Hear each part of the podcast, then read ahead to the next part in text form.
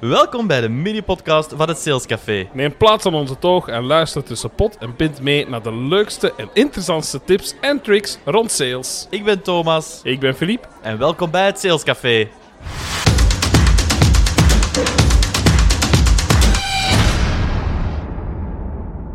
Hele goede dag en welkom bij een nieuwe aflevering van ons Sales Café. Dag Thomas, Hey, dag Filip. hoe gaat het met jou? Zeer goed, want vandaag gaan we het hebben over kracht van keuze. Dat is een heel belangrijk onderwerp binnen de sales, denk ik. Ja, zeker en vast. Wat is nu de bedoeling Ja. van keuze?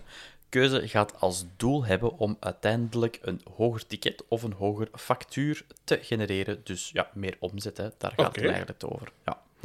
Ehm, studies hebben ook aangetoond dat indien er minstens twee keuzes zijn, de omzet gemiddeld met 66% zal stijgen.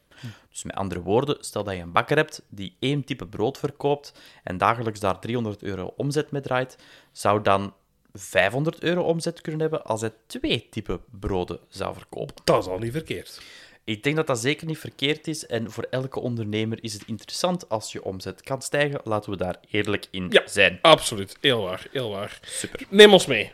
Eh, ik ga je meenemen en eh, zoals elke keer gaan we dat doen met een voorbeeld. Mhm. Vandaag gaan we er twee mee pakken. Twee heel specifiek en dat wordt dan ook weer duidelijk in het verloop van de aflevering. Uh-huh. Het eerste voorbeeld is iets wat dat jij onlangs hebt laten doen, hè Filip? Klopt, ik heb een offerte voor een keuken laten maken. Gelukkig, het is Ja. niet om aan te zien hier. Hè. Nee, is, dat eh, klopt. De dat keuken moet er dringend uit. nee, want je hebt, je hebt daar een punt. We hebben dringend een nieuwe keuken nodig. Dus we zijn eh, wat keukenzaken afgereden. En eh, Ja. bij één specifieke hebben we toch een offerte laten maken. Dat klopt. Oké, voorbeeldje 2 is iets anders. Dat is het bestellen van een menu bij een fastfoodketen. Dat hebben we allemaal al wel eens gedaan, denk ik. Hè. Voor de gezonde honger of de iets minder gezonde honger. Hè. Dat is wat. zeker Nu, keuze heeft verschillende voordelen. Mhm. Wat zijn nu die verschillende voordelen? Eerst en vooral, als je keuze geeft aan een klant, gaat de klant het gevoel krijgen dat de beslissing in hun handen lag. Mhm. Tweede puntje. Er vormt zich, en denk eigenlijk een van de meest belangrijke punten in verband met keuze, dat is er vormt zich een betrokkenheid van de klant tegenover het verkoopsproces. Oké. Ja, en dat is heel belangrijk eigenlijk voor dat vertrouwen naar Ja. boven te brengen. hè. Ja, ja, En zoals dat je in andere afleveringen ook zult horen, vertrouwen van de klant is enorm belangrijk om effectief over te gaan tot de uiteindelijke aankoop van iets. Het is een beetje de cement van uw successen. Het is het cement van uw succes. Absoluut. Klopt. En dan een derde puntje is, ja, het resulteert dat de klant het gevoel heeft dat ja, de offerte of de bon of de keuze dat hij gemaakt heeft beter aansluit bij de noden op dat moment. Ah, oké. Ja, inderdaad. Dat is interessant. Oké, nu, dat heeft ook zijn grenzen, hè, Filip? Mhm, want Omdat- ik was nu juist aan het zeggen, ja, keuze geven, ik, eh, ik sta me dat een beetje voor. Als een supermarkt en ik kom in een rayon vol met dozen cornflakes, dan wordt het voor, voor, voor mij moeilijk om Ja, te kiezen. ja, dat klopt, Filip. Eh, het hangt er een beetje vanaf of dat het iets is waar dat je reeds vertrouwd mee bent, waar dat je zelf kennis van hebt. Als het iets is waar dat je zelf minder kennis van hebt, Mhm. ja, dan gaat het vaak moeilijker aanvoelen om een keuze te maken, omdat je gewoon de kennis niet hebt achter de verschillende opties dat er zijn. Ja, ja, tuurlijk. En, eh, je- Eh, ja, Ja, het. dus het hangt een beetje af van over wat dat we spreken, over welke service of welk product dat je op die moment natuurlijk moet gaan aankopen. Maar het was niet gemakkelijk, ik kan er heel eerlijk in zijn, om daar heel veel info over terug te vinden. Mhm. Ehm, maar de info dat ik heb gevonden, eh, en een interessant iets dat ik zeker met jullie zou willen delen, is een stukje van Matt Easton. Dat is een sales guru, zal Mhm. ik maar zeggen. En daar staat een filmpje van op YouTube waar dat hij spreekt over de paradox of choice. Alright. En dat wil ik eventjes met jullie delen. Dus luister maar even mee. You may be trying so hard that it's killing you. Let me tell you about the paradox of choice. So, the paradox of choice is a rule that typically, when we have too many choices, we're going to be less happy with the final decision we made. No matter how great that decision is, if there was a lot of choices to begin with, we're not going to like it. And I want you to think about this when you're, when you're trying so hard, maybe on a date. Hey, I got 19 different restaurants we can choose from, or maybe in business, there's 11 different options you guys can pick from. When you give that other person, both in your personal life and in business, so many choices, that paradox of choice is going to make it really difficult for them to be truly happy with their final decision. Limit the choices that you present to people to two or three choices only. They're going to be a lot happier with the decision they made and a lot happier with you. Oh ja, ja, ik begrijp het, ik begrijp het. Dus eigenlijk zegt hij gewoon van, het is ehm, door zoveel heel veel keuzes aan te bieden aan je klant, ja, ga je klant eigenlijk nooit 100% overtuigd zijn van de keuze die hij heeft gemaakt, omdat hij misschien wel, hij of zij misschien wel zal denken van, ja, ik had misschien toch nog beter iets anders kunnen kiezen. Eh, ja, nu, ik wil daar echt wel een heel duidelijk onderscheid maken. Dit betekent niet dat je geen uitgebreid assortiment mag hebben. Uh, Integendeel, je mag zeker genoeg keuze hebben om de juiste klantengroepen aan te spreken. Uh, ik denk dat dat heel belangrijk is om omzet te draaien, Filip. Tuurlijk. Maar het is nog altijd wel aan de verkoper zelf om een juiste inventarisatie te maken, om de juiste vragen te stellen, om dan keuzes te gaan beperken voor de klant. Voilà. Ja? En dat is de keuze waar we het vandaag Ja, over het, hebben. Het breken hier Ja. op de trechter uiteindelijk, waarbij dat de verkoper de klant twee of drie keuzes gaat geven Ja. en dan gaat zeggen van, uiteindelijk van, ah ja, eh, de klant heeft de keuze gemaakt. Om daar nog even een beetje woord bij te geven, zal ik maar zeggen. Je moet je inbeelden, stel dat je naar een fastfoodketen gaat en je gaat door de drive-thru en je zegt van, ja, voor mij heel graag een menu, het burgermenu, en daar mogen frietjes bij. En dat ze dat ineens tegen jou zeggen. Ja, en bij die frietjes, meneer, eh, mag daar mayonaise bij, ketchup bij, currysaus bij, curry ketchup bij, joppiesaus bij, tartaar, mammoet, barbecue, sambal, samurai, look. Ik weet niet hoeveel sausen dat ik nog ken, Filip, maar Nee, ik kan ook even niet, maar doorgaan. ik denk wel dat onze luisteraars honger hebben gekregen ondertussen. honger of dat het punt duidelijk is gemaakt. Hè.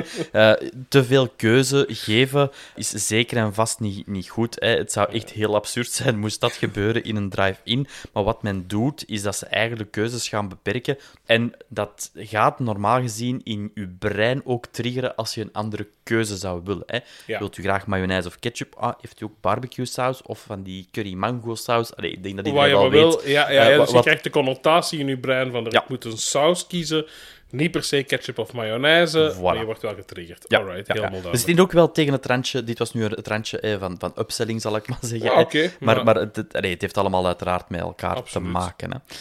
Maar we hebben die twee voorbeelden in het begin meegegeven. Hè. Zijn de, de aankoop van een keuken en daar een offerte voor laten opmaken, of inderdaad die drive-thru dat we ook nog net hebben aangehaald. Mhm. Er is natuurlijk een verschil tussen die twee. En het, het grootste verschil dat we kunnen zien, Filip, is Ja, het bedrag uiteraard het bedrag, waar je voor gaat aankopen. Hè. Dus ja. de, de vraag die we onszelf eh, eigenlijk gesteld hadden is: gaat deze ballon op ook voor grote bedragen? Mhm. Ja. En dan zijn we daar een beetje opzoekingswerk over gaan doen. En het antwoord is eigenlijk volmondig ja. Absoluut. Ja. Zelfs soms nog meer dan, dan voor kleinere bedragen. Studies hebben aangetoond, hè, als we te veel keuze geven, dat het kan leiden tot keuzestress. Filip. En wat hebben we niet graag? Stress. Stress. Dat heeft niet. niemand graag. Nee. En als ik er even op mag inpikken, ik, ik heb het daar juist al even vernoemd van de, de, de eh, gang in de supermarkt waar de cornflake staat. Maar dat is ook effectief het geval. Als ik met mijn vijfjarige dochter naar de supermarkt ga en ik geef haar de mogelijkheid voor een doos cornflakes te kiezen, dan heb ik twee opties. Ik wandel die gang in en ik zeg tegen haar, liefje, kies maar uit. Losgeslagen projectiel, kan ik me inbeelden. Voilà, dus dat gaat Ja. niet werken. Of ik zeg gewoon heel simpel tegen haar: Kijk, ik heb er een met smaak van honing of ik heb er een met de smaak van chocolade. Welke van de twee wordt het? Ja. En de keuze is direct gemaakt. Prachtig, hè? Ja. Want dit, dit werkt zo goed bij kinderen. Absoluut. ja. Maar eigenlijk ja, is het ook van toepassing inderdaad voor elke klant. Dat klopt inderdaad. Ik ga even terugkoppelen naar die keuzestress. Wat betekent dit nu eigenlijk? Hè? Keuzestress kan voorkomen doordat iemand bijvoorbeeld wordt overspoeld met informatie die overwogen moet worden om een goede keuze te maken. Dat is eigenlijk, denk ik, een van de betere omschrijvingen van keuzestress. En dat wil je niet dat dat gebeurt bij de klant. Ja? Eh, als je merkt dat dat gebeurt, betekent dat er niet genoeg vragen zijn gesteld daarvoor om eigenlijk voor de klant te kunnen trechteren naar een bepaald keuzepatroon. Met andere woorden, hè, eh, stel dat je bij een keukenbouwer bent en er is gewoon te veel keuze, dan ga ik heel eerlijk zijn, dan gaat mijn vertrouwen ook zakken. Stel Ja. dat die afkomt en die zegt van, kijk Thomas, eh, er zijn hier 40, 40 verschillende soorten hout waar dat je uit gaat moeten kiezen. En eh dan is het nog alleen nog maar het hout voor de sokkel te bepalen. ja, dan, kan het mij voorstellen. dan, dan, dan is mijn vertrouwen al Ja. weg. Want dan denk ik zoiets van, oeh, gaat dat, als dat maar goed komt. En ten tweede, eh, ja, 9 van de 10, ja, ga ik ook niet weten wat dat de juiste optie gaat zijn. Dus we zitten daar ook al in het straatje van moeilijk, hè? suboptimale oplossingen. Tuurlijk. Dus mijn vertrouwen zakt daarin weg. En als ik daarop mag inpikken, heel eerlijk, als ik naar een restaurant ga, dat is Ja. een iets ander voorbeeld natuurlijk, maar als ik naar een restaurant ga en ik zie eh 30 verschillende soorten hoofdgerechten, Ja, eh, z- absoluut. 27 soorten desserts, eh, 30 soorten voorgerechten.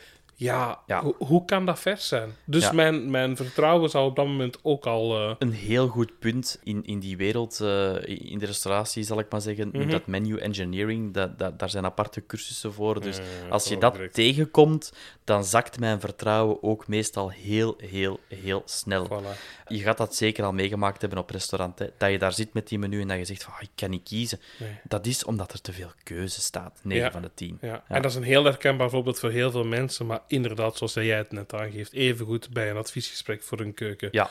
of een auto, of het maakt niet uit waar. Ja, Allemaal. klopt, inderdaad. Alright, goed. Misschien even samenvatten en dan Heel vooral goed. de tips nog eens een keer Tuurlijk. meegeven voor iedereen.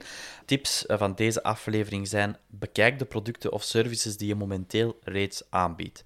Kijk na dat je ze goed kent, hè, dat je weet ook wat dat je kan verkopen, zodat je ook de juiste vragen kunt gaan stellen aan de potentiële klant die voor jou staat. Bekijk dan ook ineens welke producten complementair of gelijkend zijn aan elkaar om uiteindelijk die trechter te vormen voor die klant Mhm. en uiteindelijk verschillende keuzes te gaan voorstellen. Maar nogmaals, niet meer als ongeveer twee à drie keuzes. Ja. Want dat is genoeg. Anders gaan we weer in het straatje van keuzestress gaan behandelen. Absoluut. Heb je er te veel, dat betekent dat je niet genoeg vragen hebt gesteld, 9 Ja. van de 10. Maar denk er goed bij, als tip, we hebben het hier niet over assortiment. Je mag een heel Nee. uitgebreid assortiment hebben, maar als verkoper schuif dan door naar beperken van keuzes. Alright. Oké. Voor deze aflevering, Filip, hebben we ook naar een quote gezocht. Ja, Ja, maar het dat, was is niet, dat is niet gemakkelijk. hè? Nee, dat geloof Dus ik. we Oké, hebben er twee samengevoegd. Oh. alright. En de quote is geworden: Having only one option is not an option, but having too many can overwhelm us and cause us not to choose at all. Ik denk dat dat inderdaad allesomvattend is voor hetgeen wat Ja. wij eh, hier vandaag weer Dus besproken geef hebben. opties, maar niet te veel. Niet te veel. Voilà. Voilà. Alright. Hey, super interessant, Thomas, eh, de uiteenzetting. Ehm, wij hopen natuurlijk dat jullie het ook allemaal heel interessant vonden. Sowieso, als er dus zaken zijn die daar nog niet 100% duidelijk zijn, stuur ons gerust een berichtje via de bekende kanalen, het Salescafé of Salescafé. Volg ons op alle podcastplatforms, Spotify, Soundcloud, iTunes, podcast en zo meer. En verder vooral eh, zeggen het voor tegen iedereen die geïnteresseerd is in sales, want wij willen natuurlijk eh, zoveel mogelijk mensen bereiken met deze podcast. Hartelijk dank Thomas nogmaals voor vandaag. Heel graag gedaan. Tot de volgende keer. Tot de volgende. Bye bye. bye, bye.